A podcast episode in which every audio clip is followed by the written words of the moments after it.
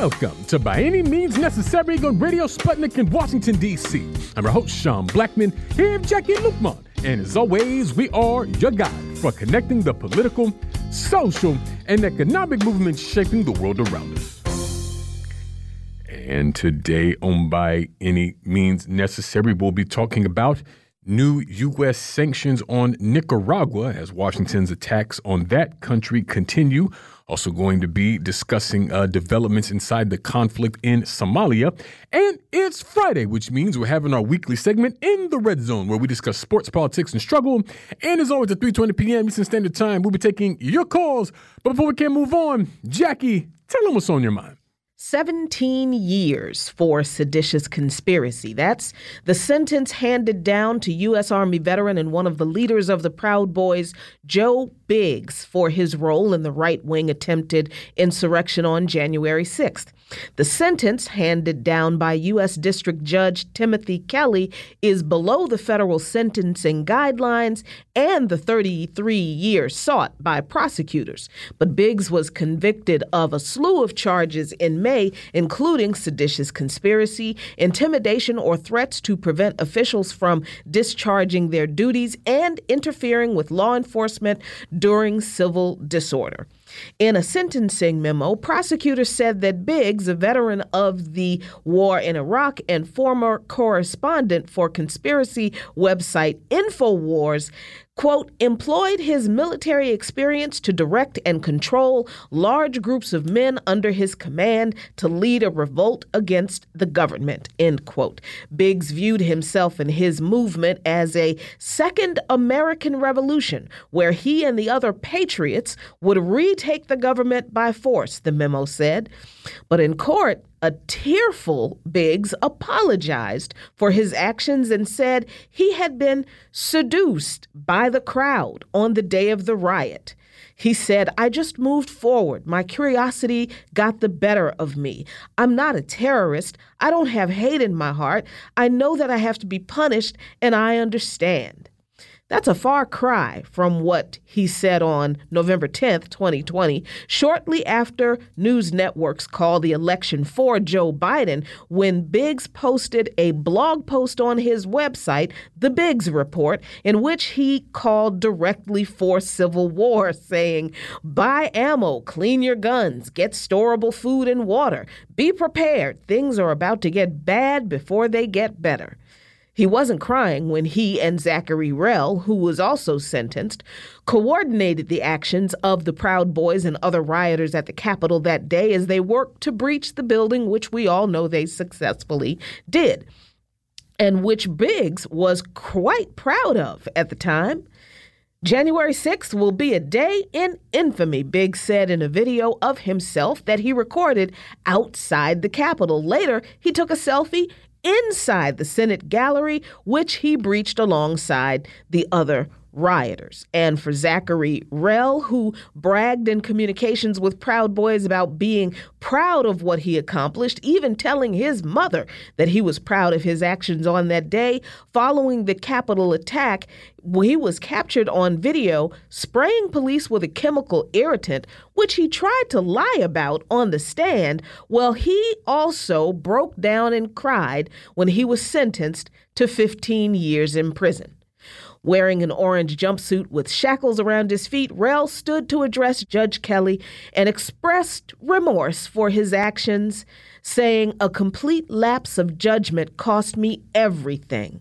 He broke down in tears as he pleaded for leniency from Kelly and asked for forgiveness from his family. I'm done with politics, he said. I'm done peddling lies for people that don't care about me. January 6th was a despicable day.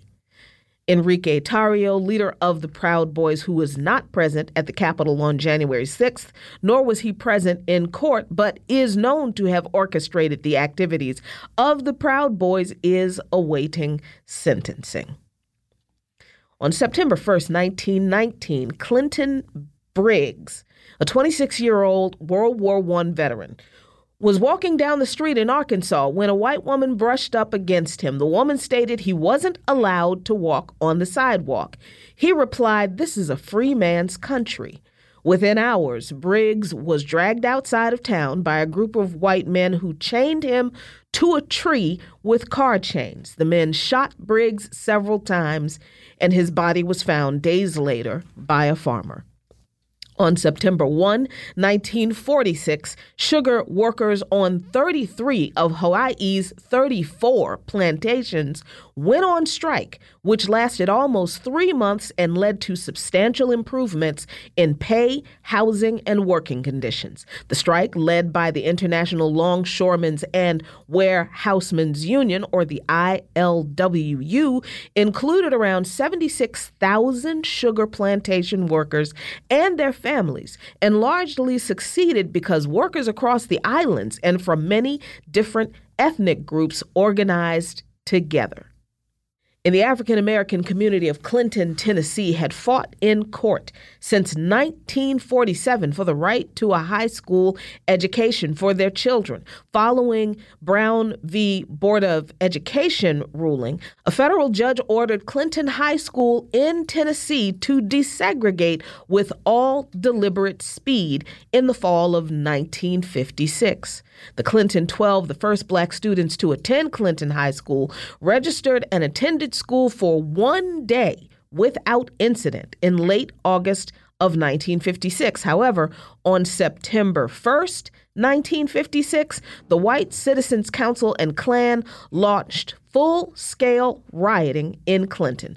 Cars were overturned, windows smashed, and black citizens were threatened.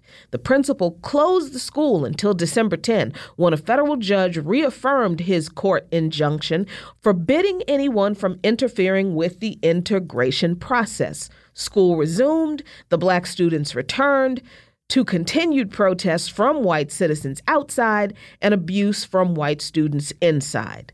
And then on October 5th, 1958, two whole years later, 100 sticks of dynamite were detonated and destroyed the school.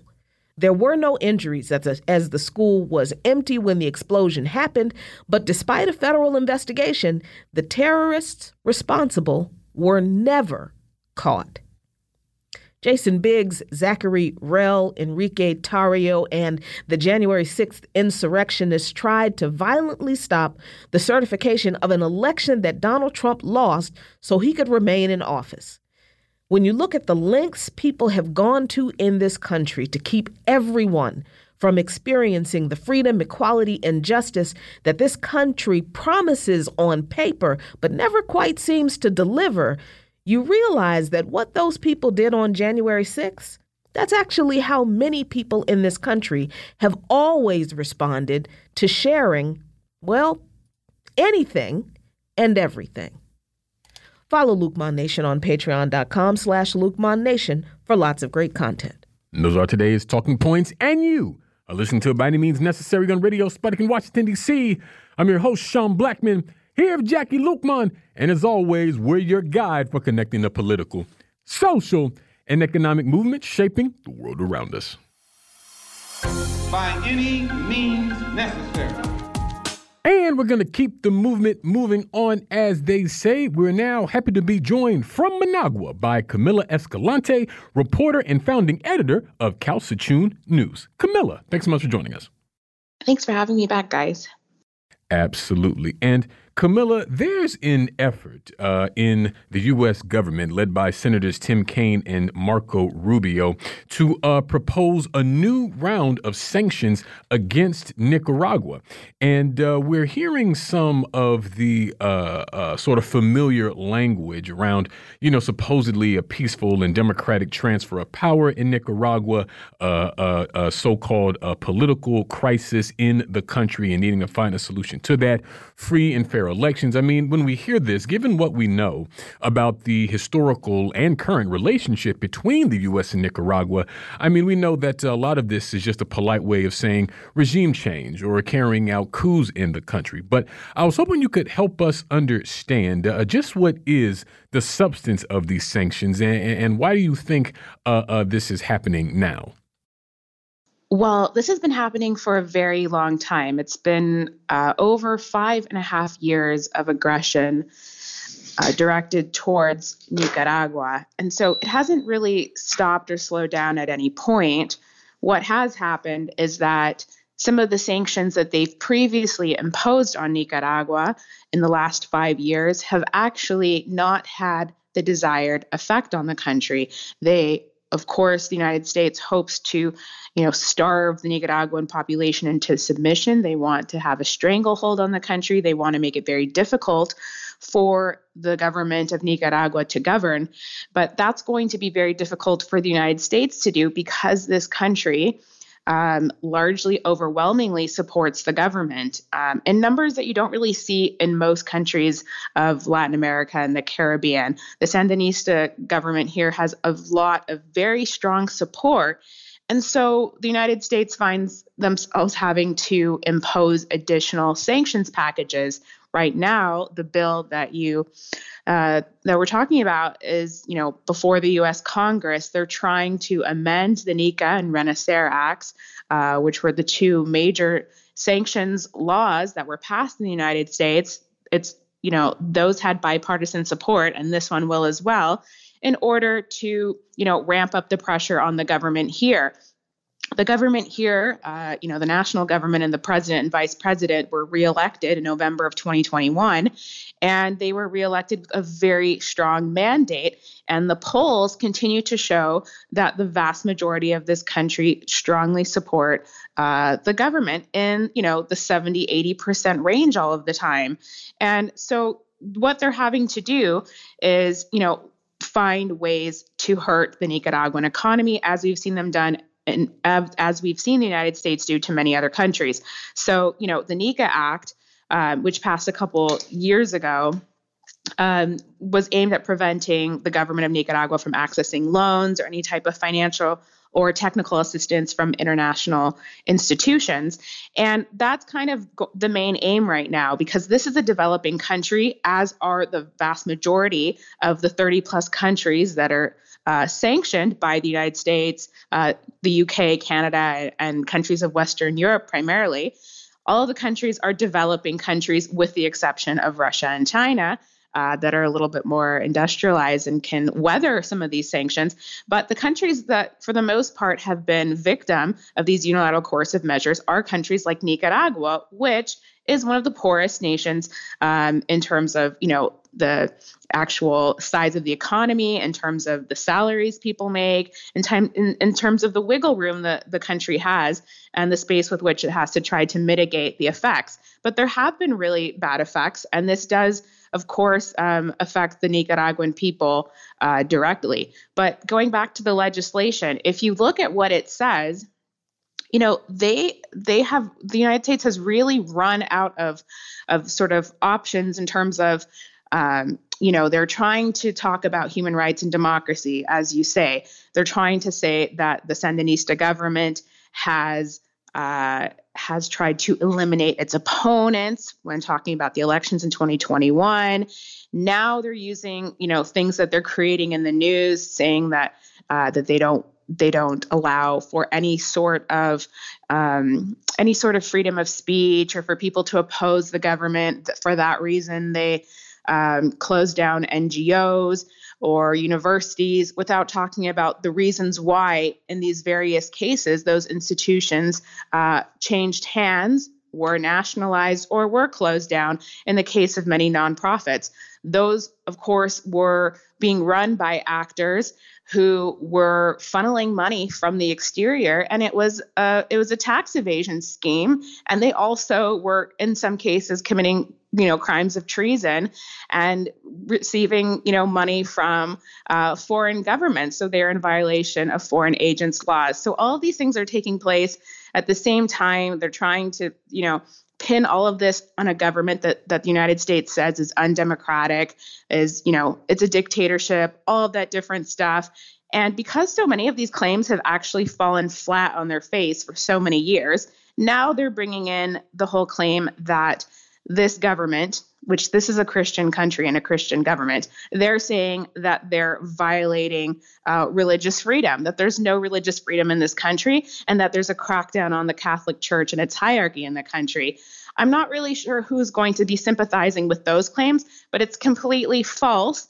But it's one of the things that's embedded in the text of this uh, new legislation because they want to say that this is an intolerant government and that you know you have to abide by by the law of Daniel and or whatever the claim is. And so it's just one of many things that's being alleged, uh, you know, within the 21 uh, pages of this of this sanctions bill, as you said, um, authored by Marco Rubio, Tim Kaine, but supported by people across the spectrum. Uh, well, this, as far as the spectrum goes, there in the U.S. Congress.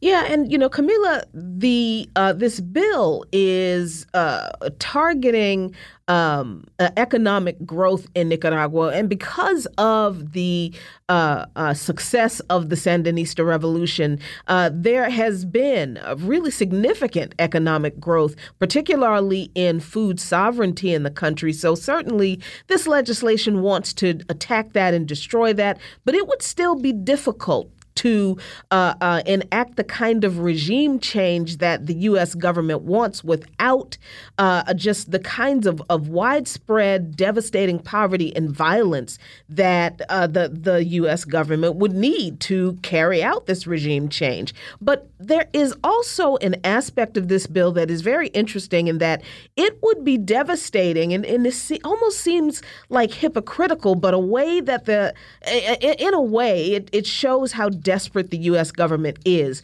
to destroy Nicaragua, and that it would be devastating to U.S. trade with Nicaragua. So, how would this bill uh, cut off the U.S.'s nose in spite of its face in its in its you know uh, uh, a brazen attempts to destroy the Sandinista revolution? Yeah, that's really interesting because um, basically sanctions now govern so much of the world. It's affecting trade, it's you know diplomacy considerations. There's so many companies around the world that are having to now operate you know within the framework of these sanctions because there are so many countries that are now sanctioned individuals now, that are now sanctioned. We're talking about like i guess in the hundreds of thousands of sanctions that have been imposed in the last um, a, a couple of decades around the world. And now it's actually affecting the united states and europe as we've seen in the case of russia um, I'm not actually sure how it's going to affect the United States itself, but it is the number one uh, trade partner of Nicaragua. But two days ago, a free trade agreement was signed between Nicaragua and China. And it was, you know, it's absolutely historic and really important because it was just one year and a half ago that Nicaragua had announced that they were breaking ties with Taiwan and that they were opening relations, reopening once again because they previously had relations with China. Um, and and they have been, you know, full, full speed ahead since then. A lot of things have taken place, and then they announced this free trade agreement. Why were they able to sign it in such record time?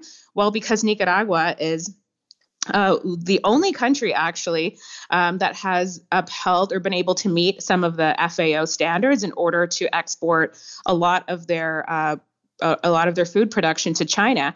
So now China has become Nicaragua's, or I guess will become, uh, as a result of this agreement uh, that was just signed two days ago. They're China becomes the second uh, trade partner of Nicaragua. And this on its own is going to be extremely important going forward for mitigating uh, the on, on incoming sanctions um, and whatever takes place right now uh, with the attacks that are going to be launched.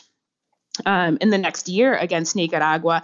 This is a very small country. So, in terms of population.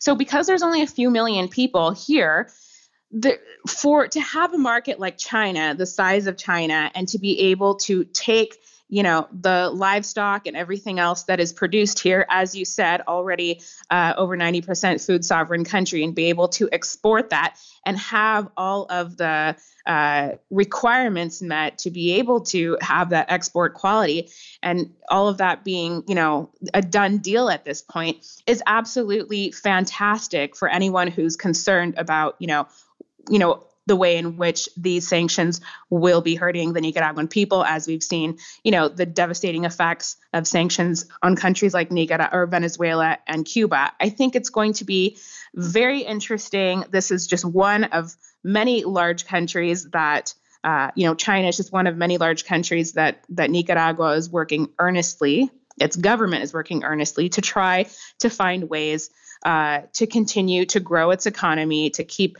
inflation um, down, and to be able to uh, procure the kind of things that they need for the country. And at the same time, China is going to be helping uh, with a lot of infrastructure projects, and that has been a lot of the the focus of the government now. Um, you know, making the highways and roads better, getting uh, state of the art facilities in terms of medical facilities, hospitals, improving public education, and everything like that. And so, um, you know, they're not sitting around, you know, crying about what might happen. They are trying to find ways to work around it with partners and friends with the sort of, you know, understanding that they need to prioritize South South cooperation. They need to prioritize uh, cooperation with these countries that are actually able to lend a hand here. Yeah, and uh, Camila, this next uh, question is a broad one, but I mean, when we look at not only China's relationship with uh, uh, uh, Nicaragua, but also their relationship with Latin America in general, along with some excuse me, broader dynamics within the region in terms of, uh, you know, the recent uh, uh, progressive electoral victory in Guatemala, a progressive candidate uh, uh, surging in the election in Ecuador. I mean, the ongoing coup attempts from uh, the right wing in Honduras. So, how do you sort of contextualize uh, these sort of regional dynamics, and I think uh, more to the point, what what it means for a U.S. imperialism in terms of what we're seeing in Nicaragua. Well, I would say U.S. imperialism as a you know, or US hegemony in the region is absolutely being devastated every day. Certainly every week, announcements are being made, all sorts of sh- shifts are taking place, changes are happening at a very fast rate, and the United States is struggling to figure out what to do. And of course, the old model right now, we're looking, we're less than two weeks away from September 11th, the anniversary of the coup this year, uh, the coup against Salvador Allende in Chile the first socialist president elected in Latin America. And that is going to be the 50 year anniversary. We're hearing some people from the left of the Democratic Party try to say things like never again. We need to change the US policy towards Latin America. We can't be carrying out coups. We need to it's very superficial because in no it, and it's bad faith as well because in no way are they talking about the way in which US imperialism operates in Latin America right now or towards the global south uh, and the world in general and the way in which we're basically in constant war certainly you know a hybrid war a non-conventional war because of the ways uh, our countries are being attacked by the United States, not through direct coups and not through direct military intervention necessarily, but largely through sanctions and through attacks by the media and other covert covert operations and things like that. And so these people aren't even talking about the way in which nothing has changed in the last 50 years. Things have just uh, they just are starting to look different and maybe operate a little different, but with the same uh, final goal goal of regime change of trying to install those governments which they're able to control. And right now, they are losing a grip on countries like Honduras. It's a perfect example of the way in which you know the Honduran government came to power very keen on you know keeping healthy relationships with the United States, but also with neighboring countries, also working towards integration of the region, um, and and you know obviously with their own model of of wanting to govern the country, but wanting to refound the state. And they have taken some measures, uh, you know, because this is. Uh, Xiomara Castro is someone who's extremely progressive, and we might find out that she's not just progressive. Um, she might be a little ideologically more uh, socialist than than than her husband Manuel Zelaya. And so, because of that, the United States is having a very difficult time controlling this country. They still have all sorts of military and other agreements. Honduras has international agreements that it's been very had a very challenging time uh, breaking, but they are trying to do it little by little. And so, and and so, one of those things is obviously the severing of ties with Taiwan and the opening of relations with China. And so the United States absolutely has just lost control.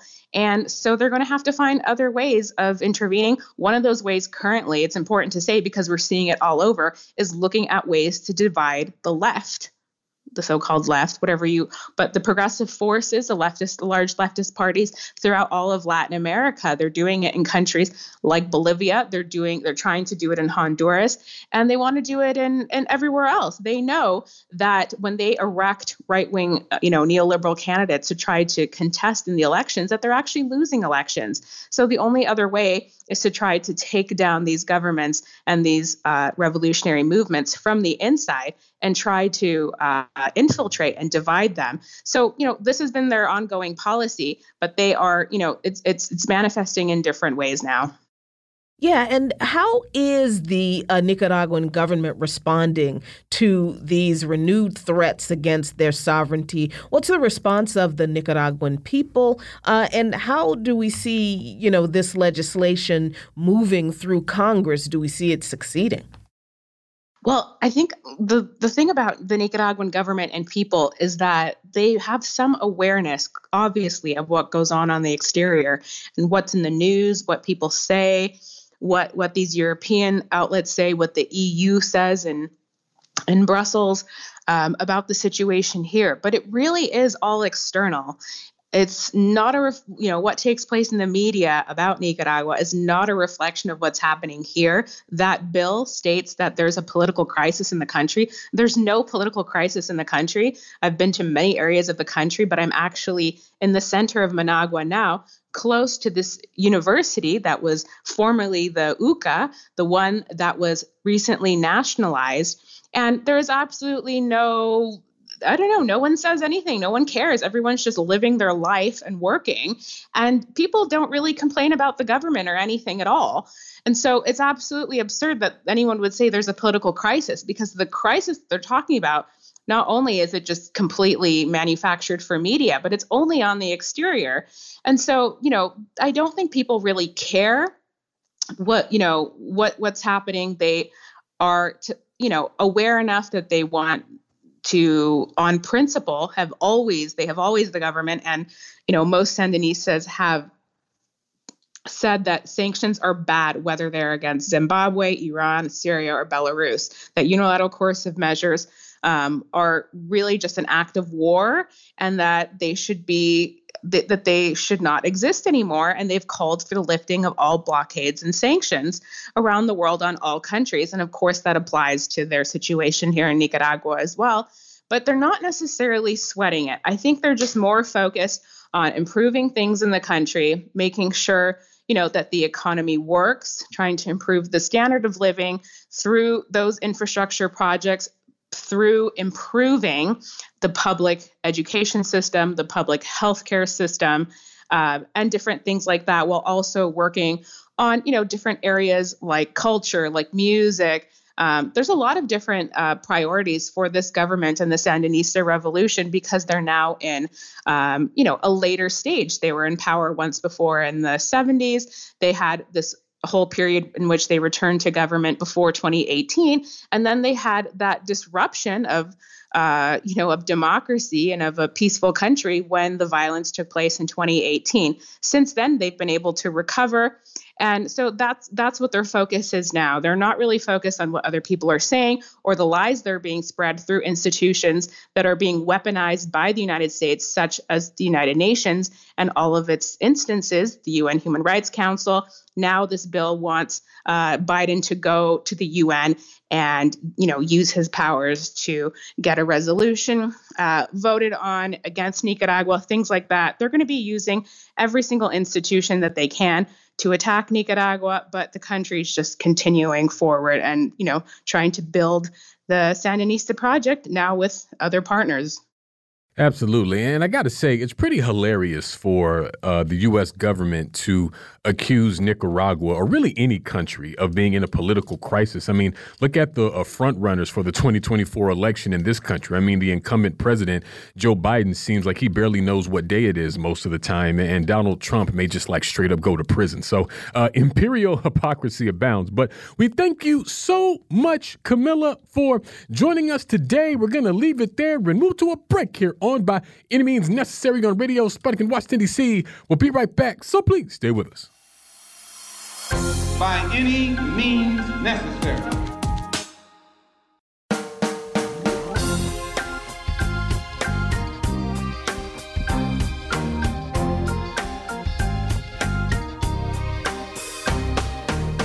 Welcome back to By Any Means Necessary on Radio Sputnik in Washington, D.C. I'm your host, Sean Blackmon, here with Jacquie Luqman. And as always, we are your guide for connecting the political, social, and economic movements shaping the world around us. And today we're talking about recent developments in the conflict in Somalia. And we're happy to be joined for this conversation today by Jamal Abdulahi, writer and political analyst based in Minneapolis, Minnesota. Jamal, thanks so much for joining us. Thank you. Absolutely. And uh, Jamal, uh, here recently in the conflict that's ongoing in Somalia, uh, uh the nationalist forces proclaimed uh, a victory over the secessionist elements, and uh, this come as secessionist forces basically had them under siege in the city of uh, Las Anod with uh, surrounding areas of uh, Kane and uh, Sanaag and Sool and places like this.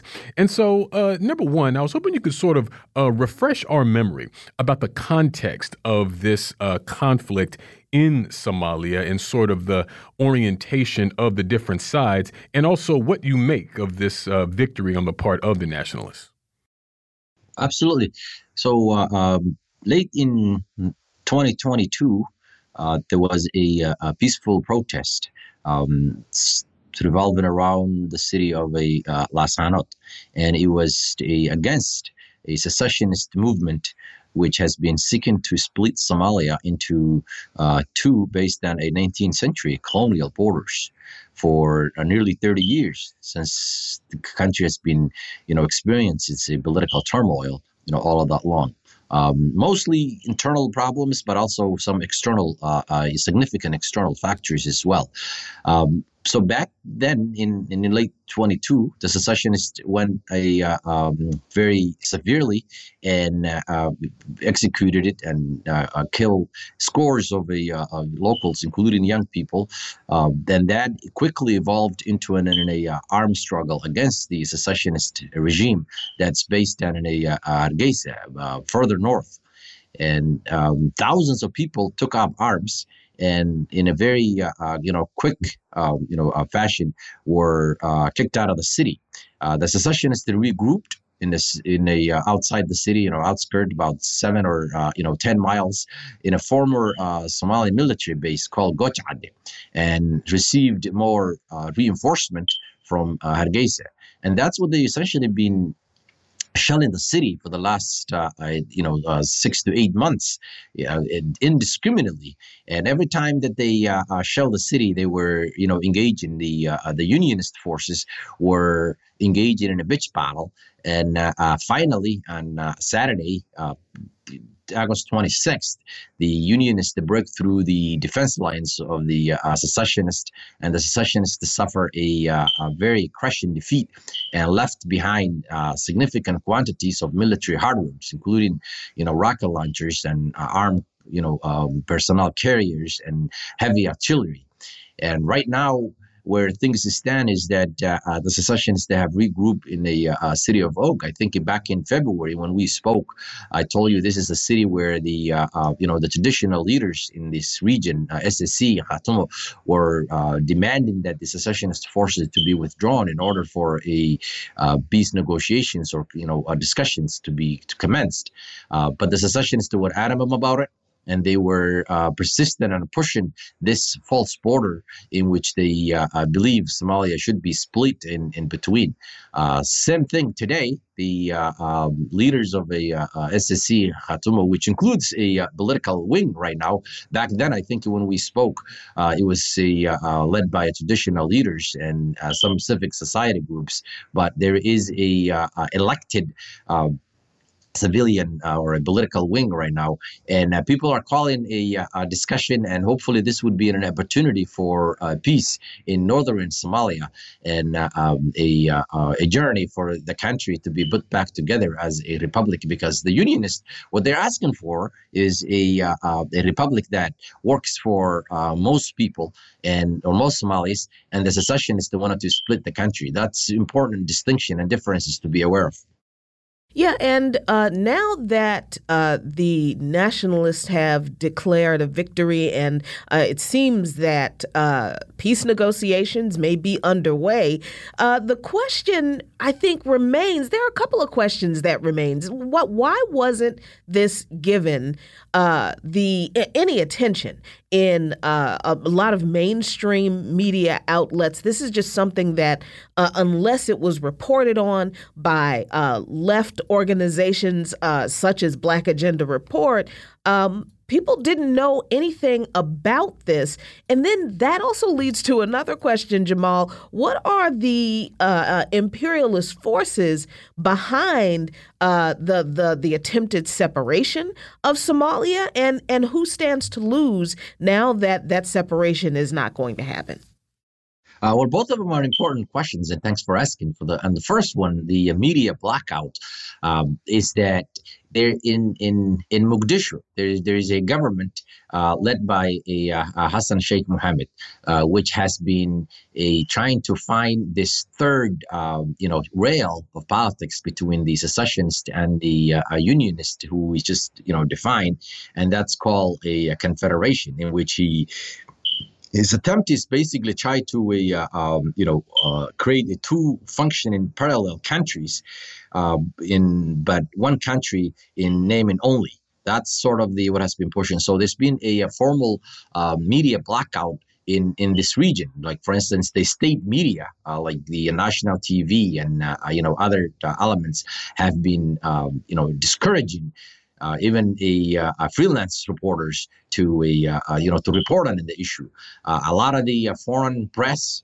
Um, including uh, VOA and others, have uh, f- uh, towed along and have followed along, you know, in that and and have you know accepted it that media blackout. So I think that's one of the reasons that there has been an media blackout on the agenda. But luckily, uh, the uh, uh, citizens and the uh, uh, Somalis in the diaspora, I think, have been doing a, a, wonderful job or you know wonderful effort in their meager resources to try to get the story out. After all, this story, you know, would not even reach some of the you know outlets like the Black Agenda Report had it not been a citizen, you know, um, journalists. it may not even you know you know break out in the beginning back in late 22 when uh, you know the secessionists were slaughtering you know uh, citizens, peaceful citizens who were throwing nothing but rocks is what they were uh, uh, you know throwing. So I think that's some of that characterizes it.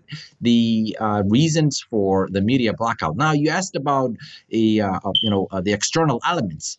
right now, the two major elements in this part of this, you know, Somalia is the uh, uh, the United Kingdom and the United States. The United Kingdom has a uh, legacy, historical ties uh, to this region. After all, it was called a uh, uh, the British Protectorate of Somaliland in before the Somali Republic was born in 1960. So they have that legacy there. But there also been recent development. A a British firm, Genel Energy, have been doing some you know natural resource explorations, whether that's mineral or gas and oil and other things. Uh, so that's the uh, uh, so, sort of the motivation, the obvious, obvious motivation for the British to be involved here and they've been sort of playing this duplicity role in the uh, uh, conflict that has been, you know, fueling more and more, uh, you know, violence. And it, it, sometimes it appears to be the the British is sort of the driving force to see Somali being, you know, being split again. Now, to the United States, uh, back in uh, uh February, I believe we uh, reported and we did a, uh, a, report on an analysis that in the uh, in the 2022-2023 NDAA or the National Defense Appropriation Act, there is a language that calls a feasibility study for a United States military base to be established in the port city of Berbera, which is further north than Las Anod. That work is continuing. Um, so so so that's that's sort of the uh, strategic objective that it is in the public domain for the United States. The United States has also been uh, deeply involved in what it calls a fighting a terrorism in the uh, uh southern part of a uh, uh you know Somalia. So uh, uh, for a external you know element, there are many. You know, there's a you know neighboring countries like Ethiopia and Kenya and you know Gulf states that are also deeply involved, as well as a a small country, a one city, one country called Djibouti, in which the inhabitants are Somalis. All of these are, you know, involved. Uh, they're juggling for a uh, strategic objective in, in this region, and they're uh, contributing and fueling uh, this this conflict. So those are some of them. But the United States and the United Kingdom are the two main external uh, you know forces in, in in this region and at this time i don't see a uh, their interests being impacted in light of the uh, uh, victory by the uh, Unionists. Yeah, that actually leads me to my uh, next question, Jamal, in terms of uh, that strategic interest you were just mentioning uh, on the part of the West, the U.S. and the U.K. And so, I mean, from their perspective, why is Somalia so valuable? Uh, well, Somalia, uh, you know, uh, locates at a very uh, uh, strategic position. You know, whether it's the Indian Ocean or the uh, you know Red Sea or very you know short distance. If you look at the you know the map, Somalia is right on the Horn.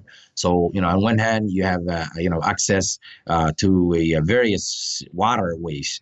you know, um, in and not too far off from the Middle East or that Yemen area, and a significant shipment of a, uh, uh, a, global logistics go through these waters.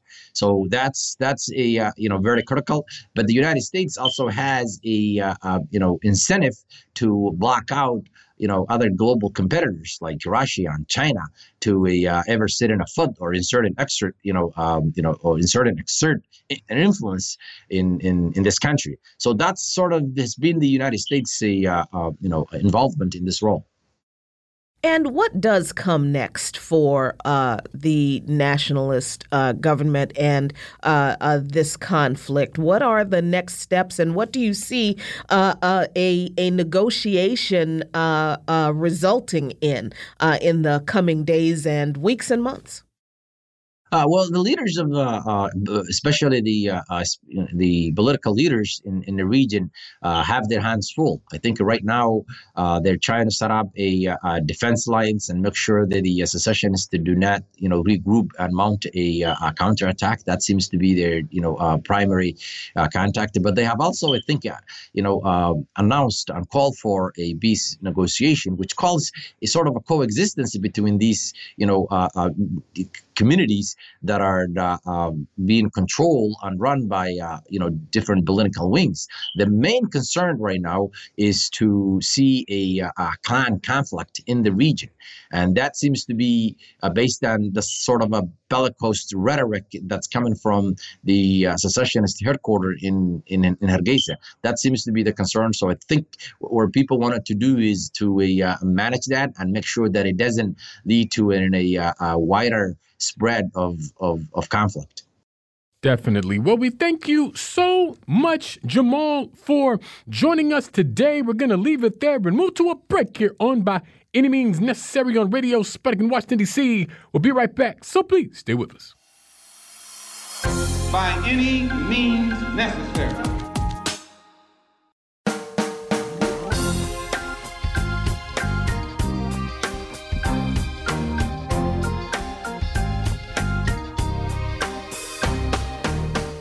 Welcome back to By Any Means Necessary on Radio Sputnik in Washington, D.C. I'm your host, Sean Blackmon, here with Jacquie Luqman. And as always, we are your guide for connecting the political, social, and economic movements shaping the world around us. And It's Friday, which means it's time for our weekly segment in the Red Zone, where we discuss sports, politics, and struggle. Being joined today by Miguel Garcia of the Anticonquista Collective, also the host and creator of the Sports as Weapons podcast. Miguel, thanks so much for joining us. Hey, Sean and Jacquie. Always good to join you guys. Absolutely, absolutely. And Miguel, it's being reported that uh, college and NFL star Reggie Bush may file a defamation lawsuit against the NCAA. I mean, uh, back in 2005, I mean, Bush was uh, one of, if not the most popular uh, college football star, someone who was obviously destined to go to the National Football League, uh, and he would win the Heisman Award, uh, something that he was later stripped of uh, after it was found that an NCAA uh, rule, excuse me, that the NCAA ruled that Bush received improper benefits, and uh, the body also vacated Bush's 2005 season. Although nothing was done to uh, Pete Carroll, who was the coach of USC at the time, even though the these charges were being leveled at the program. So help us understand more, not only of the context around this issue with Bush, but uh, just about the substance of this lawsuit. Yeah, so Reggie Bush, I guess he did file the defamation lawsuit on uh, August 23rd, so about over a week ago. Um, but great, this all conversation got restarted about, you know, um, Reggie Bush himself, his family, fans, US, even USC um, arguing that he needs he should get his Heisman Trophy back, and they should uh, count his season of the 2005 season because they they not only uh, stripped him of the Heisman, um, but they pretty much erased his legendary 2005 season um, from the record books where he rushed for 1,740 yards and 19 touchdowns. It's not that's not even counting his receiving yards. The Reggie Bush was considered like the most dynamic player in ages at the time because he was both a great running back and uh, a great receiver. And he kind of reminded people a lot of uh, Barry Sanders, how he would just juke everybody. Um, so they not only took stripped him of his Heisman Trophy in 2010, but also stripped him. They pretty much erased the 2005 season, his stats, and USC season where they won the national championship. So it's like this season never existed, and USC never won the title. Reggie Bush never won the Heisman. Um, but this this kind of came about two years ago again about the argument of trying to give get him back the Heisman Trophy and counting that season because of the uh, the NIL ruling, the name, image, likeness ruling that was uh, ruled by the Supreme Court in July 2021. That now athletes could, uh, you know, make money off their name, image, likeness. Um, so that that's why this defamation lawsuit has come about because Reggie Bush, you know, is saying now players could get paid for their name, image, likeness, just like I was. Um, and they should, uh, you know, not punish him no more. Kind of like when cannabis has been, uh, you know, legalized in certain states, and you know, you want to uh, clear the records of people that have been convicted for cannabis. Kind of similar thing. Like, why can't Reggie Bush season count and he could get his Heisman Trophy back when now college players can make money off their name, image, likeness?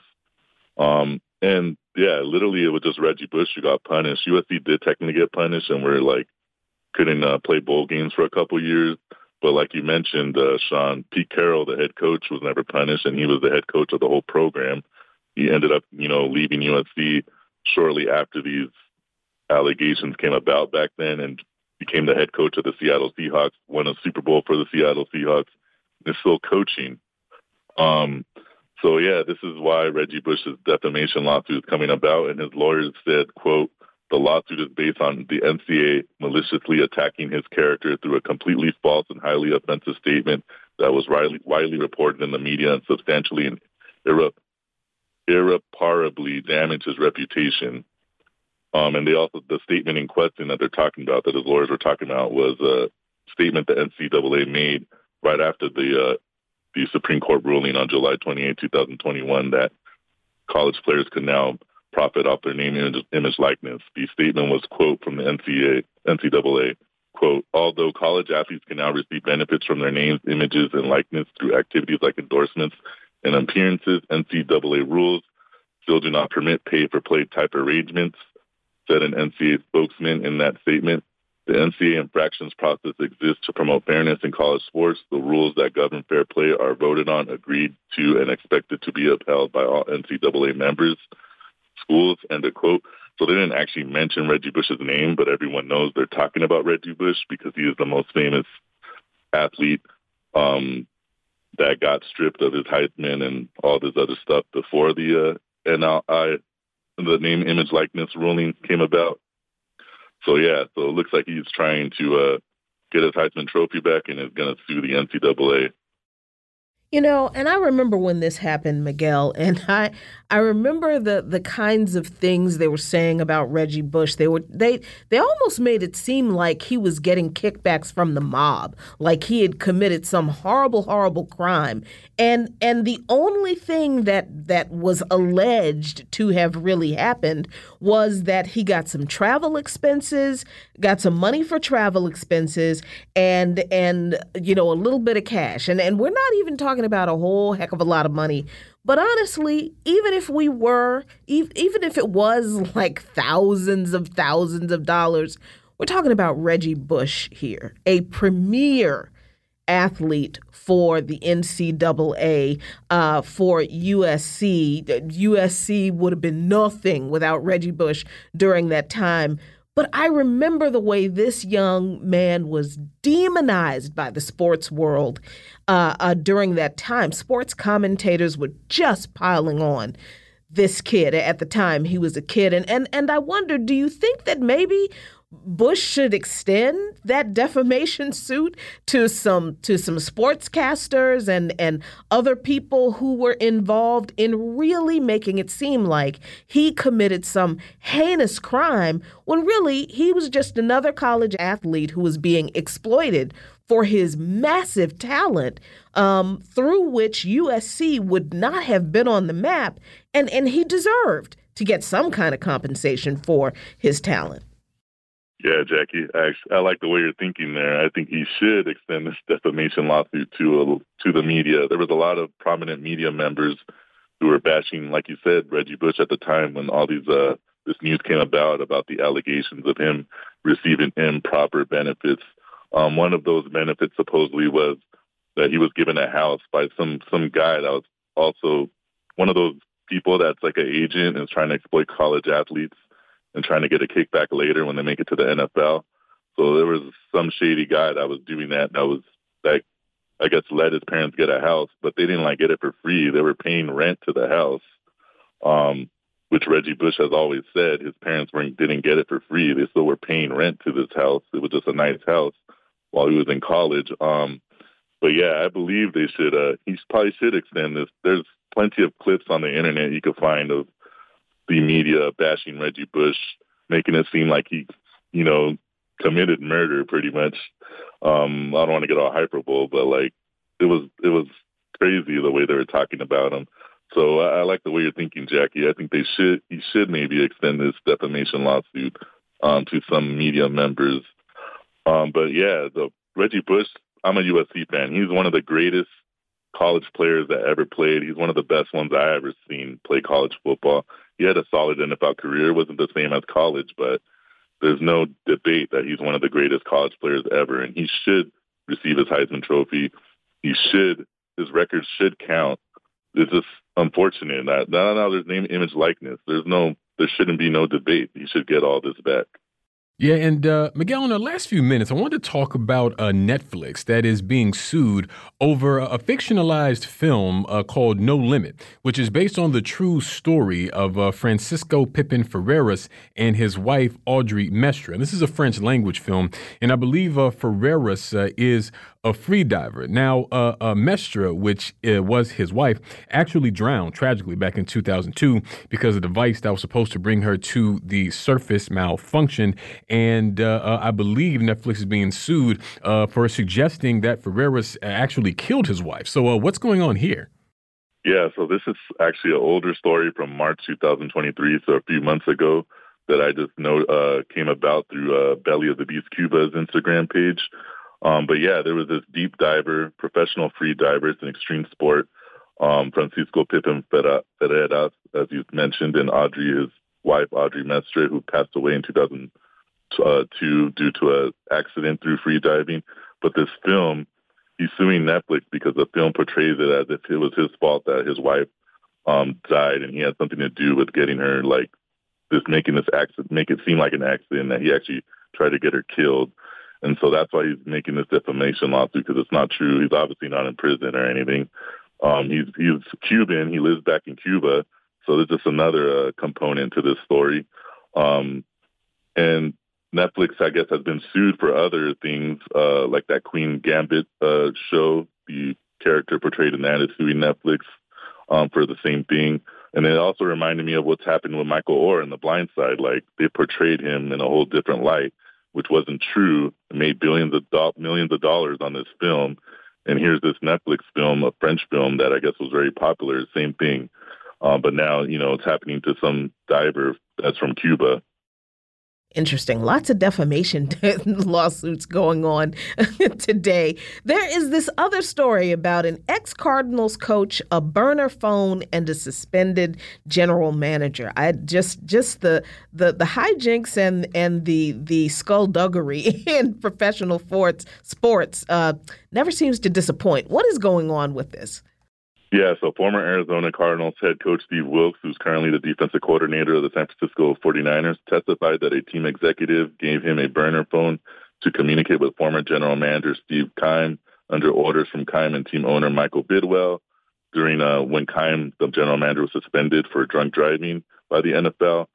And if people don't remember, Steve Wilks is part of the Brian Flores lawsuit that, you know, there's discrimination in hiring black head coaches. Wilks is a black uh, coach. He was the former head coach of the Cardinals. He never felt like he got a proper shot. He's kind of used as a bridge coach, like they use a lot of black head coaches. Um, so this is just another part of the saga. And so he was uh, in court, also, uh, you know, testifying in behalf of a former uh, Cardinals executive, Terry McDonough, who was also suing the Cardinals, which we talked about this on the show a couple months ago as well. He was suing the Cardinals for defamation as well. Um, so this is all part of that. And Steve Wilks made statements saying that uh, the owner, Michael Bidwill and Steve Keim, made them use burner phones to to talk to uh, the general manager, Steve Keim, while he was suspended, while when they weren't supposed to have communication with him. And he felt like he couldn't speak up um, because he was a first year coach, a black head coach, and felt like he would something would happen to him if he would speak up. So that's just another saga in the NFL when it comes to racism and uh, a lot of lawsuits going around. For sure. Well, we thank you so much, Miguel, for joining us today. We're going to leave it there and move to a break here on By Any Means Necessary on Radio Sputnik in Washington, D.C. We'll be right back, so please stay with us. By any means necessary.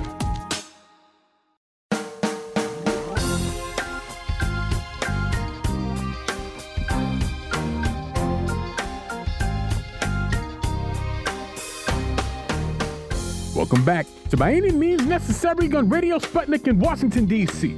Host Sean Blackmon here with Jacquie Luqman. And as always, we are your guide for connecting the political, social, and economic movements shaping the world around us. Oh, yes, we're here. We're back. Top of the hour. It is Friday, September 1st, 2023. Wake up, wake up. It's the first of the month. And as always, in 20 minutes, you'll be able to give us a call here by any means necessary to give us your thoughts, ideas, questions, or concerns about anything you've heard on the show today, anything at all relevant happening on this earth. We want to hear from you. But it's not the only way that folks can get in touch with us here on the show. And if you would, please, Jacquie, let the folks know how they can holler at us. That's right, Sean. There are so many ways for our allies, accomplices, and comrades, that's y'all, to reach out and touch us here at By Any Means Necessary in Washington, D.C. You can do that at 3:20 p.m. Eastern Time by calling us at 202-521-1320. That's 202-521-1320. But you can also listen to our show live on your radio dial at 105.5 FM and 1390 AM in the Washington D.C. area from 2 to 4 p.m. Eastern Time each weekday. And shout out to our friends over in Kansas City, Missouri, listening to us right now on 102.9 FM, 107 uh, sorry, 104.7 FM and 1140 AM. But did you know you can also listen to our shows at sputniknews.com slash radio? Scroll on down the page and click on by any means necessary. And we are streaming for your viewing pleasure on Rumble right now at rumble.com slash C slash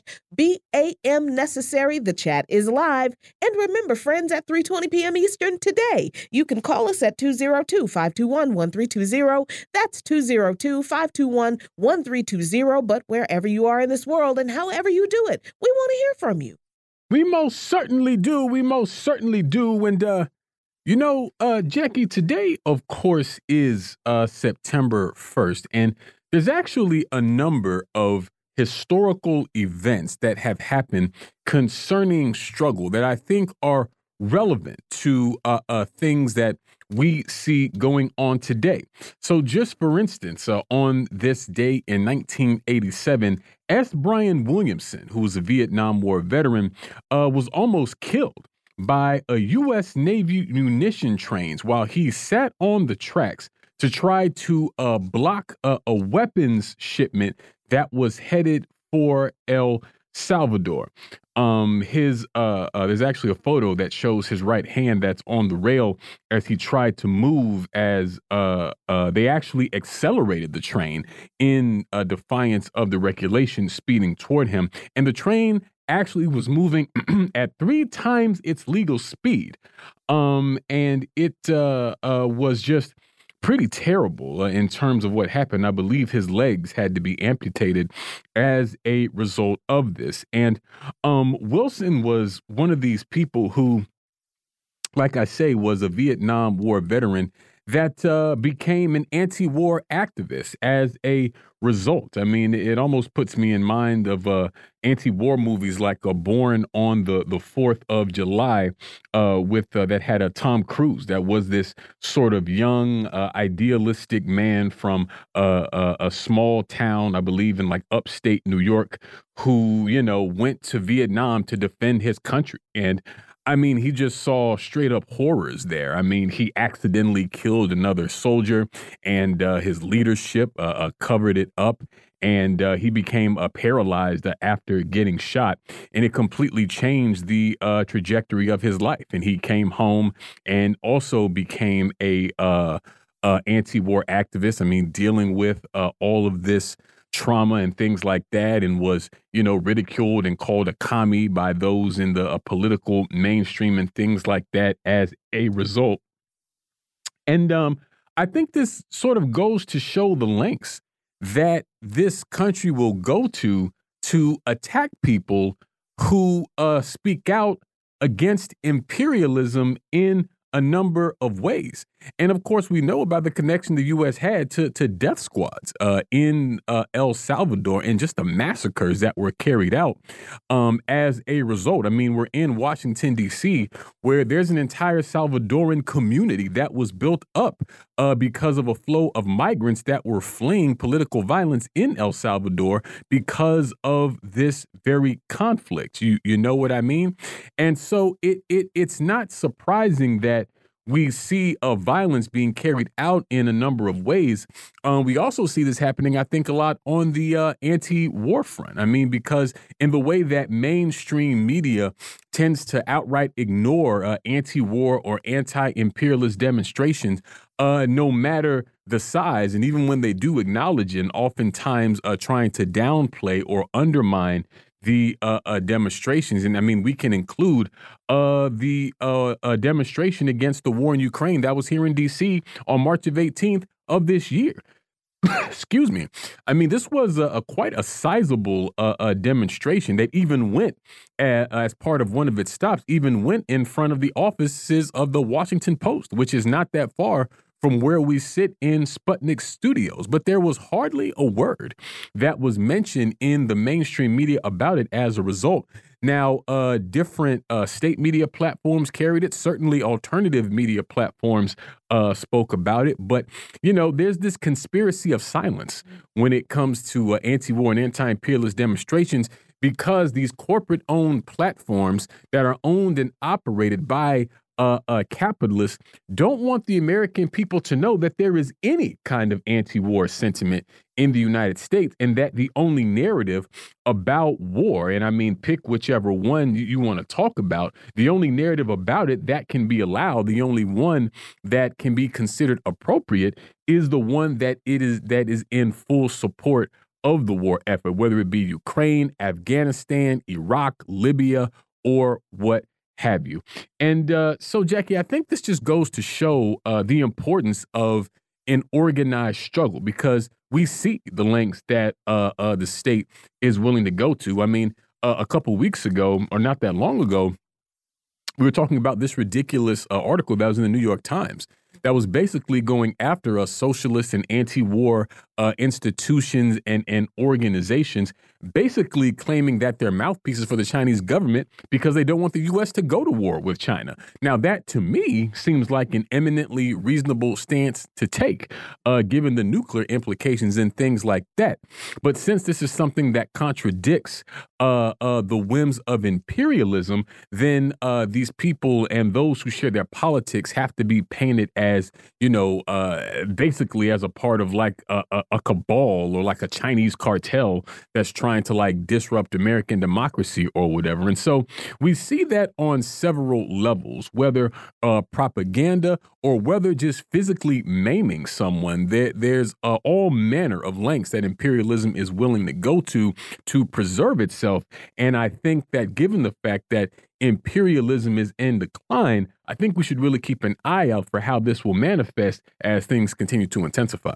Yeah, you know, and and when I think about this, you know, this really important um uh a moment in history and, and S. Brian Willson, I think about the fact that the conductor of the train, the engineer, the guy literally driving the train, he wasn't some, you know, State Department official, right? Because when when when when we talk about the way that uh, imperialism is pointed at people inside of this country who are raising the issue of imperialism, pointing out the contradictions, and opposing imperialism from inside the imperialist core, the people who are doing that are not I mean, yes, the, the edicts and the talking points come from the State Department and the White House and the NSA and the CIA and all that kind of stuff. But the, the, the everyday people carrying out these acts are not like, you know, government employees. They're not, they're not uh, uh, spies for the government. They're not agents for the government. They are everyday, quote unquote, Americans who believe within every core of their being that in attacking people who are raising the point that it is a bad idea to go to war with another country. In general, it's not good to sanction other countries because you don't like their government, because that causes suffering among the people of other countries. That's not a good thing to do. it's not good to uh, uh, uh to to uh, uh, remove, forcibly remove uh, eh, people, you know, leaders in other countries that the people elected because you don't like them. And it's really bad to steal those people's resources in their country so they can't live. It, it's the people who carry out the smear campaigns and, you know, the cops who drag away protesters. You know, uh, uh the the judges who sentence protesters to ridiculous amounts of prison time, jail time for protesting these things. They're not like, well, except for the cops, they're not agents of the government. They're just regular folks who believe in from the in, from the very core of their being, Sean, that they are protecting the American way of life. They believe that us raising these issues about the the wrongs, the ills, the crimes that this government has committed in the past, is committing, and will continue to commit to the detriment of millions of people around the world, they really believe that we're the ones who are the problem. We are a threat to their American way of life. And and this is important in uh um in uh uh, uh S. Brian Willson because he said about his his journey to uh, um, raised consciousness from a Vietnam vet to to uh, just this amazing uh, a figure in anti-imperialism. He said in his autobiography, "Why was it so easy for me, a good man, to follow orders to travel 9,000 miles from home to, to participate in killing people who were clearly not a threat to me or any of my fellow citizens. He eventually comes to the realization that the American way of life is AWOL from humanity. Mm. American way of life and AWOL, right? And that the only way to recover our humanity is by changing our consciousness, one individual at a time, while striving for collective cultural changes toward less and local. And, and in a nutshell, Sean, that is organizing. That is what it is. Organizing it people people think that organizing is like the the the big demonstration that we're going to participate in tomorrow. And it's true, that is a part of it because you need to raise mass consciousness about these issues. But organizing is also confronting these contradictions that we individually face. Like, why, why are we so invested in the capitalist system? Like, you know, why why are we so wrapped up in the trappings of of materialism and and you know what whatever this American way of life is? We individually have to confront that eh, in ourselves. And then once we've reached that consciousness, we have got to help people around us have the same conversations with themselves. And that is a process that is, it's not sexy, it's not pretty, it's not easy to translate onto social media. You know, that's not an easy TikTok, you know, video moment. But that is the only way, Sean, that we get from where we are to where we need to be, the socialist revolution that we need to have so that what happened to S. Brian Willson and and and everyone who has been fighting imperialism in this country, uh, whether it's you and me being demonized on this show, uh, uh, you know, in in the media, or you know, the the people who are arrested down in Atlanta and and facing serious prison time. We have to. That's the only thing that's going to get us from here to a society where that kind of thing doesn't happen anymore. Yeah, and speaking of war and the American way of life, also on this day in 1919, uh, Clinton Briggs, who was a black 26 year old, a World War I veteran, was walking down the street in uh, Arkansas when a white woman brushed up against him. And the white woman told him that he wasn't allowed to walk on the sidewalk. And in response, he said, quote, this is a free man's country. Now, within hours of this encounter, uh, Briggs was uh, basically dragged out of town by a lynch mob that chained him to a tree with car chains and then shot Briggs several times, leaving his body there, which was found uh, some days later by a farmer. And so, you know, th this is a story that we hear a lot of in uh, uh, Black history about Black men who go off to war thinking very sincerely that if they go and defend the United States of the country, it'll show that um, they deserve to be treated as equals and that they will have proven their loyalty to the U.S. and shattered all these stereotypes. But I mean, white supremacy was still very much in place, and racists were absolutely unmoved by their uh, uh, military service. Because, I mean, in general, I mean, uh, you know, black people have always been seen as disposable in this country. And a part of that disposability certainly uh, has been a service in the uh, uh, military. And see, I think this helps us to sort of draw a connection between racism and war, which we definitely saw in the uh, uh, Vietnam War as well. And it, it, sort of shows how you know, white supremacy and imperialism uh, are really intertwined, and about how the involvement of oppressed people in those wars uh, basically does not improve their uh, collective condition in this country simply because they were involved. And so for me, it's just sort of this is just one of many examples of how the only way that uh, this country can really be changed from these uh uh just these uh what's the word I'm talking uh, I'm thinking of it's how how it can actually be moved away from being governed by white supremacy and by imperialism and governed away from this uh, endless chase of capital is a complete change of the society itself. And, you know, a person shouldn't have to go, uh, you know, off to war to sort of prove themselves to a country that hates them, a country that uh, enslaves their ancestors, a, a country that seeks to discriminate against and exploit them in uh, every conceivable way. All of these basic things, these are basic democratic rights, and I mean something as fundamental as having your humanity respected, to be able to do something as simple as walk down a street. Uh, these should be uh, uh, characteristic. They should be baked in to a society. But when you have a country that is based in uh, white supremacy and one that is based in the worst kind of uh, uh, crimes against humanity and violence, well, then these are things that uh, have to be fought for. I'm reminded of Kwame Ture when he used to say that, you know, black people are the only people who have to die for reforms, not even for a revolution, but a spilling blood for reforms like the right to vote and desegregation and things like that. The fact that people have to bleed and die uh, for basic democratic rights, I think shows the depth of a racism in this country and how it's such a part of the DNA, and uh, also shows it connection its connection to capitalism. And since uh, that and so many other issues are baked into uh, the capitalism itself, it's clear that there is no reforming this system, and as such, Jacquie, it uh, must be overturned.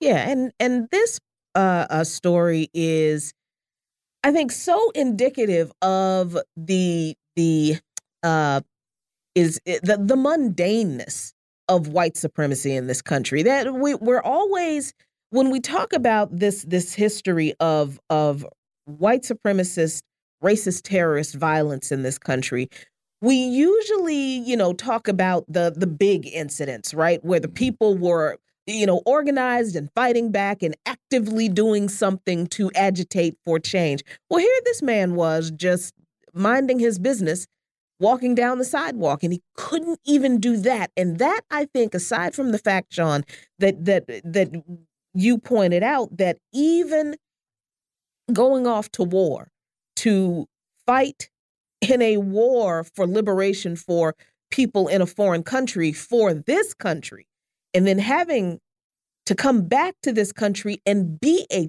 target of violence and disrespect because you you actually believed that that your service in the military for this country meant something. Uh, that coupled with the fact that life was so precarious for so many of our ancestors every day every single day that walking down the street could anger someone to the point that it could merit you a death sentence. Is is the is that is the the mundaneness that is the the the everyday evil of white supremacy and racist terrorism in this country. And it's impossible for me not to relate that to the current and ongoing incidents of racist police terrorism that we experience all the time. Still even after the 2020 uprising that the police are killing just as many people as they have been before. And now we're seeing an uptick of citizens of white people shooting and and assaulting and killing black people for knocking on the wrong door for you know for for whatever excuse they give. And and that leads me to conclude the obvious that we've never gotten away from that long dark bloody history of white supremacist violence and terrorism.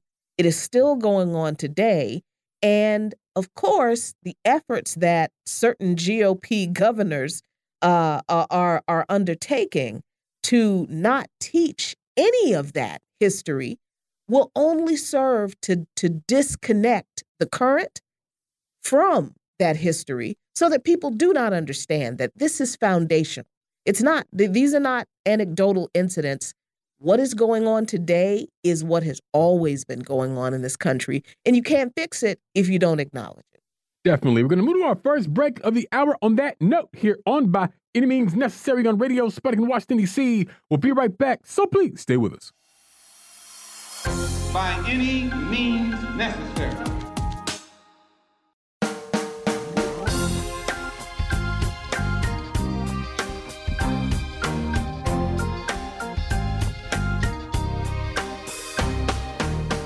Welcome back. By any means necessary on Radio Sputnik in Washington, D.C. I'm your host, Sean Blackmon, here with Jacquie Luqman. And as always, we are your guide for connecting the political, social, and economic movements shaping the world around us. Phone lines are now open 202 521 1320. That's 202 521 1320. Myself and Jacquie Luqman chopping it up here on a lovely Friday afternoon. And Jacquie, just before we went to the break, you were talking about the uh, right wing attack on Black history that that is going on right now uh, in places like my home state of Florida, and I think there's a connection with that um, and another uh, point of history because on this day in 1965, um, the Ku Klux Klan uh, shot up the house of uh, Patty Mae McDonald and her family in Haynesville, Alabama. And uh, the, their baby actually narrowly avoided uh, getting killed. I believe one of their daughters uh, just so happened to come and get the baby that was crying and uh, uh, and brought the baby into bed with her. And had she not done that, the baby would have almost certainly been struck by bullets. Now, why did the Ku Klux Klan uh, attack this house? Well, not only was uh, Patty Mae McDonald known for supporting the movement, uh, their house actually contained uh, a freedom library. Now, uh, uh, there's a now there's this platform called Little Known Black Librarian Facts that says, "quote Freedom libraries were a part of the Freedom Summer Project, a project designed to aid in the effort to secure voting rights and other uh, and other services for African Americans in Mississippi during the civil rights era.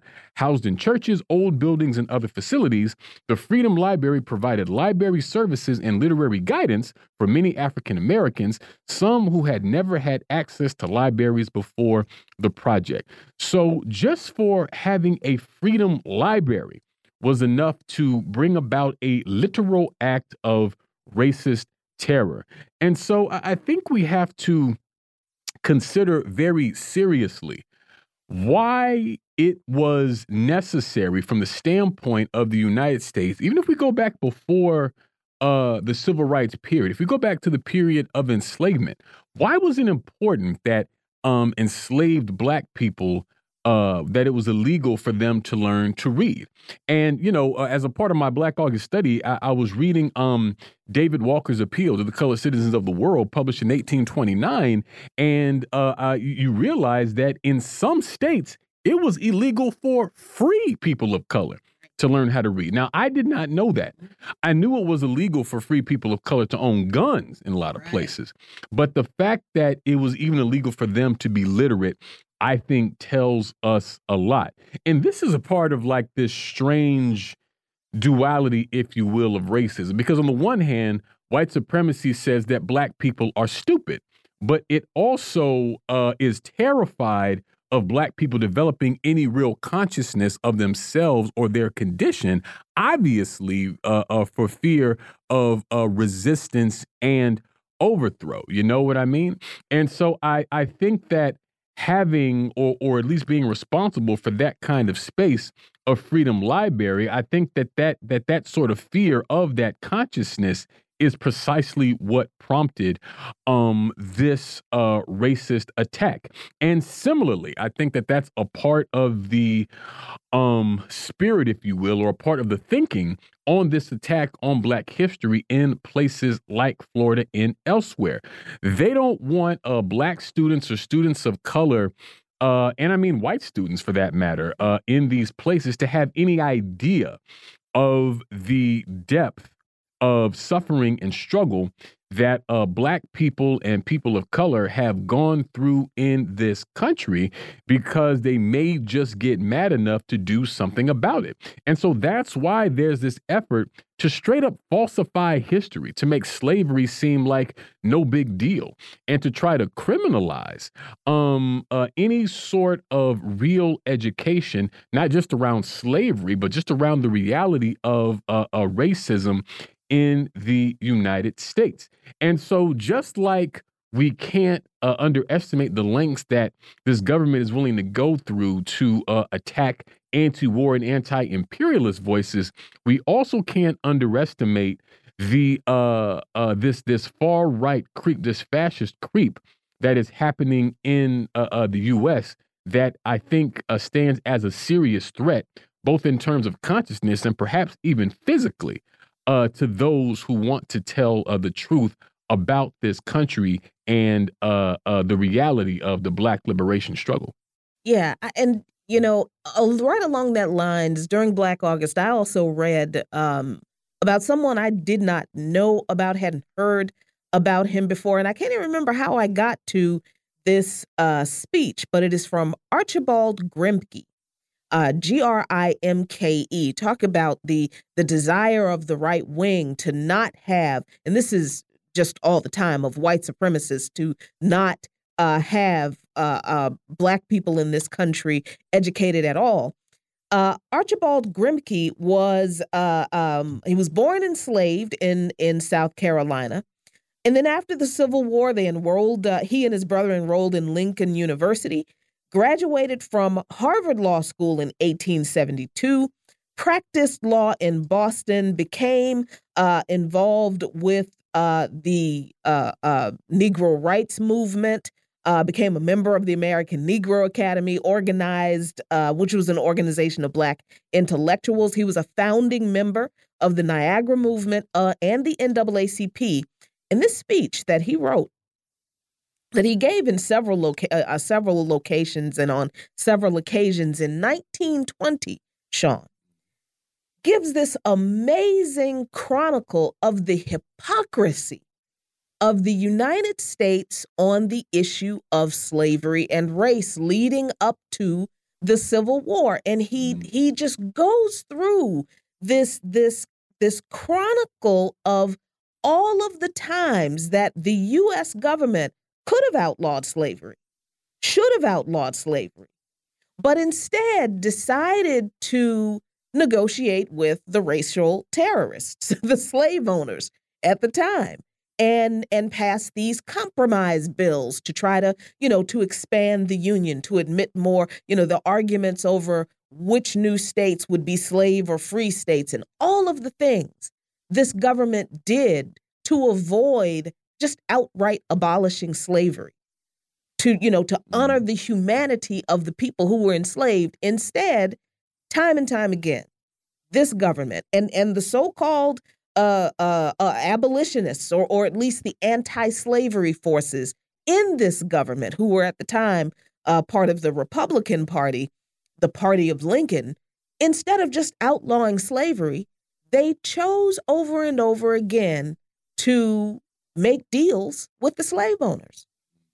That's that's not a narrative about this country, its history, and the lead up to the Civil War that you're going to get in any history book. Certainly not. But you're certainly not going to get it from these right wing folks who don't ever want to talk about the fact that that literally is the foundation of this country. It is the foundation, enslavement of African people right on the heels of, and actually during the same time, as the genocide of in, of indigenous people was being carried out, the theft of their land was being carried out, while European settlers were invited in, given free land and given assistance. And the argument that the powers that be in this country had was not, hey, maybe we should stop killing these people. Maybe we should treat people like human beings. No, the, the discussions that they had in the halls of power was how do we expand the union and grab more territory without making the slave owners angry? That yeah. our humanity, the humanity of indigenous people and African people were bargaining chips to these folks who founded this country. And this is the kind of information that these people who want to limit or, or eliminate examining this history don't ever want us to know but this is this is the kind of analysis of this country that the powers that be have never wanted us to make because they knew we would, Sean. Right. Yeah, for sure. And uh, quick correction: uh, Patty Mae McDonald was an organizer of a Freedom Library. I don't believe it was physically in their house. But what we're really discussing, Jacquie, is um, the fact that try as it might, the U.S. cannot escape its own history. Mm -hmm.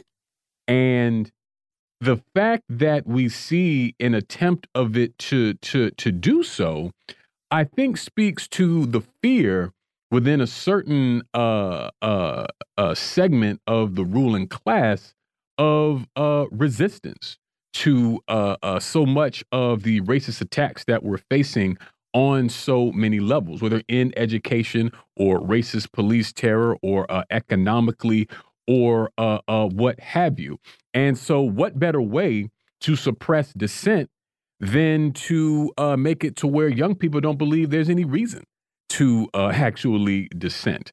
But, uh, you know, this is why we always, I think, emphasize political education so much on this show, because even if DeSantis wasn't doing what he was doing in Florida, uh, we should realize that the education around slavery and racism was already not sufficient. And so the fact that even that is being attacked now, I think says a lot about just where we are in this country. And there was one more historical point that I wanted to raise uh, for today because on this day, September 1st, in 1946, there was a mass strike that was staged by workers on Hawaiian sugar plantations. And, and these were sugar workers on 33 of uh, Hawaii's 34 plantations that went on strike. And this almost lasted three months and led to uh, substantial improvements in uh, housing, working conditions, pay, and so on. And the strike was led by the International Longshoremen and Warehousemen's Union, the ILWU, and included around 76,000 sugar plantation workers and their family. Now, what was interesting about this is the divide and conquer tactics that uh, uh, these plantations use to uh, keep workers from organizing and to keep their frustrations aimed at each other instead of at the bosses because these companies, these sugar companies, would overtly discriminate against uh, workers by ethnicity. And so they would sow division between the Chinese and the Portuguese and the Japanese and the Filipinos and the Kanaka Maoli, which is the indigenous uh, or a indigenous group. Uh, uh they would overtly sow division between these workers and basically create like a race based a hierarchy of uh, housing and pay amongst these groups and so uh, a lot of the unions or most of them at that time only organized workers of one ethnicity. So uh, uh, the companies uh, uh, would be able to successfully break strikes in the past because they were able to hire strike breakers from other ethnic groups.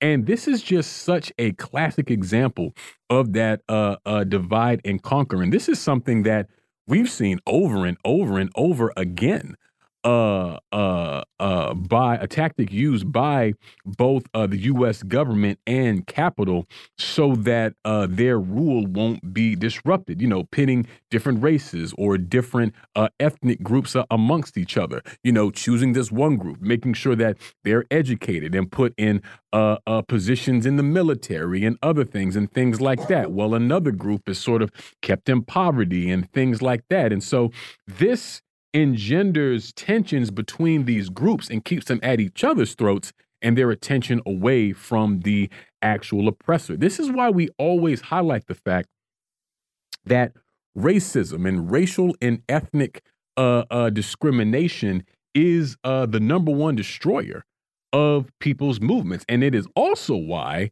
it's so important that uh, uh, a firm and uncompromising stance against racism and against white supremacy has to be a core tenet of any real people's movement. Anyone that tells you that it's secondary or that it's a quote unquote boutique issue is not someone that is serious about actually building a revolutionary people's movement in this country. And the reason I even raise this is even though this was in 1946, you fast forward to 2023, we still see the exploitation of Hawaii when we see those wildfires in Maui and just the, I mean, frankly, the negligence of uh, uh, the uh, uh, Biden administration. We've talked about the one-time seven hundred dollar uh, um, stipend, if you will, per household. And even though FEMA has furnished some aid, we see that it simply is not enough. But all of this money, hundreds upon hundreds upon hundreds of billions of dollars, going to Ukraine, with Joe Biden wanting to send even more.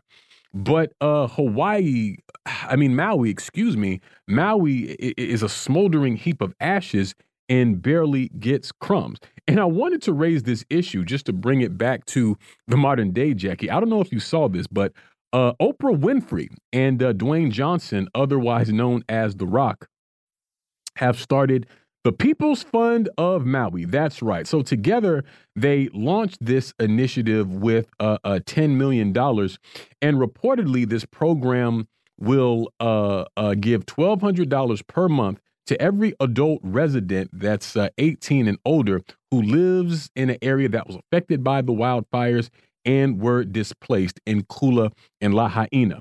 And Oprah Winfrey said, quote, I have been meeting with people throughout the community that were impacted by the fires over the last few weeks, asking what they most needed and how I could be of service. The main thing I've been hearing is their concern about how to move forward under the immense financial burden. The community has come together in so many wonderful ways, and my intention is to suppose those imp- excuse me, to support those impacted as they determine what rebuilding looks like for them. And uh, Dwayne Johnson said, quote, as people around the world watch the catastrophic loss and devastation caused by the Maui wildfires, they also witnessed the great spirit and resilience of our Polynesian culture and the tremendous strength of the people of Maui. Even in the most difficult of times, the people of Maui come together and we rise. That's what makes us stronger. Now, for those who don't know, Oprah Winfrey reportedly owns over 2,000 acres in Maui. And in March of this year, she bought 870 of those acres in Maui for $6.6 million. Now, like I said, Winfrey and Johnson went in for 10 on this. And I don't know what that split was, but it could be the case that uh, Oprah put in less money for this fund than she did to buy the, the, this last bit of Maui. Now, I don't know that to be true. This is speculation on my part. I'm just saying. That's uh, not speculation, fam. That's simple math. I, am just saying. I mean, I don't know. Maybe, maybe she gave eight and he math. gave two. I don't know. and maybe The Rock was like, "Hey, I'm rich, but you're a billionaire. So how about how about we do? Uh, you know, you do a little more um than I do. But but this is just so ridiculous to have these. And I mean, look, if, if people are able to get money that they need in this time, I'm not mad at that. But I mean, to have these two very wealthy people, especially Oprah Winfrey, uh, basically say, "Hey, donate to us." It's like you know, Oprah, like you're a straight up billionaire, and I'm sure you could uh, be helping in a far more substantial way uh, uh, than just that. And so, once again, we just see like this weird, like celebrity driven sort of way of of approaching this that doesn't even really begin to uh, uh, scratch the surface on the problem. But you know, we're expected to uh, take this seriously, and and also even even our criticisms of that aside, this shouldn't be necessary. There it is, right? because this government that has had this colonial relationship with Hawaii for all of this time should be pouring resources and money uh, uh, into that site. And what we've seen so far, Jacquie, I feel like has just been downright pitiful. Yeah, and and and from what I understand, uh, FEMA has said that they're not going to uh, uh, send more money to Maui for relief, and so that little seven hundred, that one-time seven hundred dollar payment per household per household uh, uh, for the victims of the fire in Maui. They're not that that the Biden administration uh, ha has allocated. Uh, that's it. Not getting any more. And and that is absolutely that's criminal. That is criminal. But I think had the I think it was the mayor uh, of Maui who stepped in and and issued a moratorium on uh, developers buying up land and and that kind of thing in the wake of this disaster.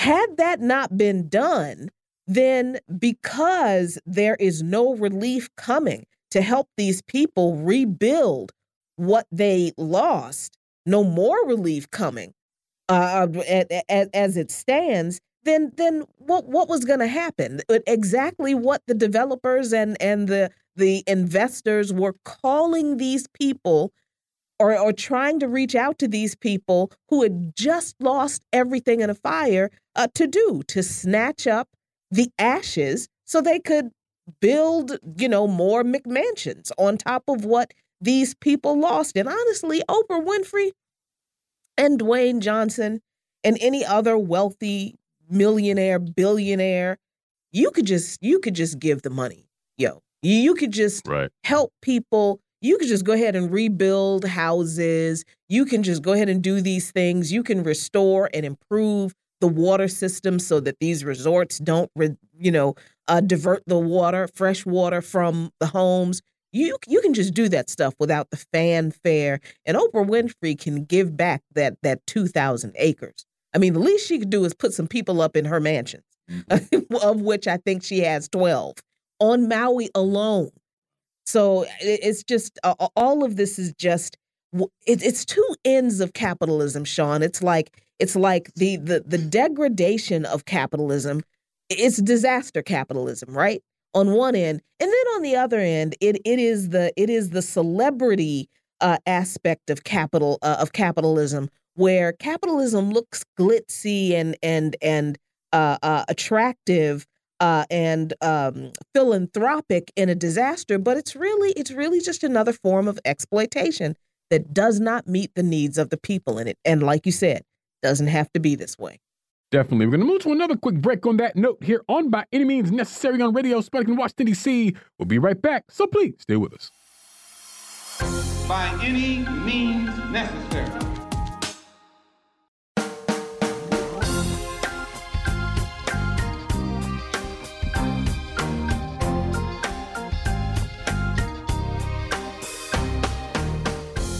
Back to By Any Means Necessary on Radio Sputnik in Washington, D.C. I'm your host, Sean Blackmon, here with Jacquie Luqman. And as always, we are your guide for connecting the political, social, and economic movements shaping the world around us. My dear friends, phone lines are still open 202 521 1320. That's 2 0252111320. I am here. Jacquie Luqman is here chopping it up on a Friday afternoon. Uh, shout out to the By Any Means Necessary chat. Uh, uh, Ricky Ryan just uh, made me aware of uh, some remarks by U.S. President Joe Biden, uh, who was touting the August jobs report and in the process trying to, you know, take a shot at his um, rival for 2024, Donald Trump with uh, which has some interesting substance. He said, America's now in one of the strongest job creating periods in our history, in the history of our country. It wasn't that long ago that America was losing jobs. In fact, my predecessor was one of only two presidents in history who entered his presidency and left with fewer jobs than when he entered. He continued saying, We created more jobs in two years than any president ever created in a four year, single four year term. Uh, he said, noting that the U.S. had a 6.3% unemployment rate uh, when he took over at the end of Trump's term. Now, here's the kicker We've recovered all the jobs lost during the pandemic. We've added a million more new jobs. Now, I look, you know, I think that this just goes to show how desperate Joe Biden is to try to have anything uh, that he could hold up as an accomplishment or something that he could point to and say, look what I have over Trump. And, you know, one thing that we often raise here on the show when we talk about jobs numbers is, well, you know, what kind of jobs are these? Like, are, you know, are we aware of what they pay, what the benefits are, and are we including the number of people who have dropped out of the job market because uh, they've stopped looking? uh, for jobs, which is something that uh, often get looks over. And I honestly don't think that there's a sort of broad sentiment amongst the uh, uh, electorate that this has somehow improved their condition. I mean, you all may remember we were talking earlier this week about uh, the frustration of black people in this country over uh, uh, the uh, sort of you know lack of progress that they felt on the Biden administration, that they feel basically that Biden has broken his promise to uh, the black community in his presidency. And one of the things that um, uh, Biden has pointed to is, you know, an improvement in the black unemployment rate. But I feel like even if that's true, and even if what he's saying here about uh, replacing all the pandemic jobs is is technically true. I mean, I I don't know. I'd be interested to see how he's actually parsing that. I suppose I can't uh, say straight out that maybe it's not the case, but I mean, if he thinks that that is going to be something that is potent enough to uh, uh, help him stand up against uh, Trump with all the momentum that Trump has, even with his legal troubles, I just uh, uh, don't see it. But it just seems like this is another example of how Biden and the Democrats have uh, fallen short uh, when it comes to uh, producing anything that is meaningful enough to black people, to these elements of the electorate that they need desperately to win. Uh, I just sort of thinks it shows how short they have come up on that note, Jacquie. And um you know it just feels like they're just coming with dud after dud after dud. And at the end of the day uh, during this first term if this is about all that um uh, uh Biden has uh to really show well then I think they really are in trouble. And, and that also reminds me of this piece that I was looking at in Washington Post where some liberals are are, are feeling that Biden is going to have to do more basically than what he's doing, which is trying to tout, you know, his record for whatever it's worth and, you know, uh, do the boogeyman thing with Trump that he'll basically have to take a whole different tact if um, they're going to really stand a chance in uh, uh, uh, 2024. And uh, oh, I actually think we have a caller on the line that's been waiting very patiently here. Uh, Carrie, uh, sorry to keep you waiting. What's on your mind? Uh, yes, I was calling. At first, I was calling to talk about uh, Emmett Till, and then I changed my mind to talk about uh, Ron DeSantis. And what I wanted to say about Ron DeSantis is that, you know, he's a new arrival, and his great great grandmother, you know, came here. Um, and so he's a new person here. He can hardly tell any um, African, or I don't even want to say African at this point, but any black person, anything. I think that also when we talk about racism, I really think that we're missing the mark because I think it has to do with with jealousy. I mean, all, mostly all of the white people who are here in America are new arrival, hundreds and hundreds of years after black people have been here. And on top of it, many black people are native people here. So I would like to say that Ron DeSantis really is the one who needs to enroll in a class, and I would like to enroll him in my history class. And that's the comment I wanted to make.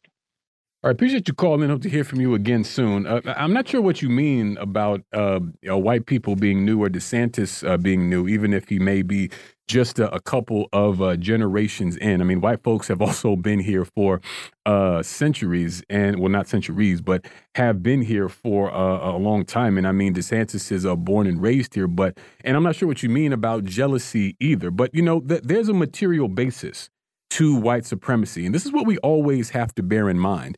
And there is an interpersonal aspect to it, uh, uh, certainly. But the whole utility of white supremacy is the economic exploitation of non-white people, and that includes uh, uh, genocide of indigenous people. It includes the enslavement of African people. It means the super exploitation of uh, immigrants from uh, the global South and of European immigrants uh, who have been, uh, you know, who have been here for some time as well. And so this is the basis of that whole divide and conquer aspect that we're talking about because the the exploitation of workers, really the super exploitation, is sort of the basis upon which capitalism as a system really rests upon. Therefore, white supremacy has a direct material use and uh, in a number of ways, not just for that, but also in the ways of keeping different groups of oppressed and exploited people uh, broken up and uh, segregated and thinking that uh, each other uh, uh is uh, the issue uh, instead of the system that is bedeviling us all. So, this is what I think we sort of have to bear in mind when we sort of have these conversations. Um, and even in the case of immigration, I mean, we, we, we've been talking about imperialism uh, during this hour. And we should remember that much of immigration today in the United States is uh, stoked by the fact that imperialism has so ravaged uh, so many countries, particularly in the global south, uh, through uh, sanctions, through invasions, and uh, all these sorts of things. And so uh, we have to see that racism, imperialism, uh, capitalist exploitation, all these sorts of things are all connected and uh uh and and honestly when when we take a, a, a real serious look at it we have to be very clear in this analysis if we're going to sort of effectively fight back against it and that's really the important point here but jacquie circling back to uh, this whole issue with biden i think it's noteworthy that we continue to see um these articles and these things coming out talking about how Democrats are basically worried about Biden. They're worried because of his age. They're worried because of his cognitive ability. They're worried that black folks won't vote. They're saying Biden should uh uh take another tack. And I mean, they're right to be worried, and they are correct that uh, the line that Biden is pushing now of saying, you know, hey, look at these piddly things that I've uh, accomplished or, you know, hey, look at me, I'm not Trump, about how that just is not a potent enough message to want to encourage enough people uh, to want to actually turn out and vote in large enough numbers um, to uh, actually win. You know what I mean? Now, will Biden take a different tact? I mean, I don't know. A part of me doubts it. I mean, this is the same cat that told uh, Charlamagne, the God of all people, if you don't vote for me, then you're not black. And we also saw what happened when he was talking to those uh, civil rights leaders who were just trying to get him to do something serious about racist police terror. And uh, he basically just kind of kirked out on them. And you know what I'm saying? And, and, like I always say when I raise it, I mean, he all but cracked the whip at the camera. I mean, he was upset that they had the audacity. It was, it was very much you know, I've already done so much for you people. How dare you demand anything of me? You know what I mean? And so, that being the case, it's uh, difficult to feel like he'll make any serious pivot. But even if he does, I think that the uh, political crisis in the United States only stands to uh, uh, deepen here. And what we have to remain clear on is that the solution to the crises, this multi-layered imploding uh, uh, crises that that are happening here. Joe Biden is not the solution to it. Donald Trump's not the solution to it. The Democrats are not the solution to it. The Republicans are not the solution to it, precisely because they all represent this same uh, uh capitalist system that has not only been ravaging all of us for so many years, but has been ravaging this earth for so many years in so many ways. And so this is why it's our responsibility not to get caught up in, you know, the usual uh, spectacle and uh, pointless finger wagging and, you know, the, these tiresome uh, cyclical narratives that come around during every uh, uh, uh, election period, we have to organize to fight back. But that'll do it for this week here on By Any Means Necessary on Radio Sputnik in Washington, D.C. Be back next week with an all new slate of episodes. As always, we'll see you next time. Peace. By any means necessary.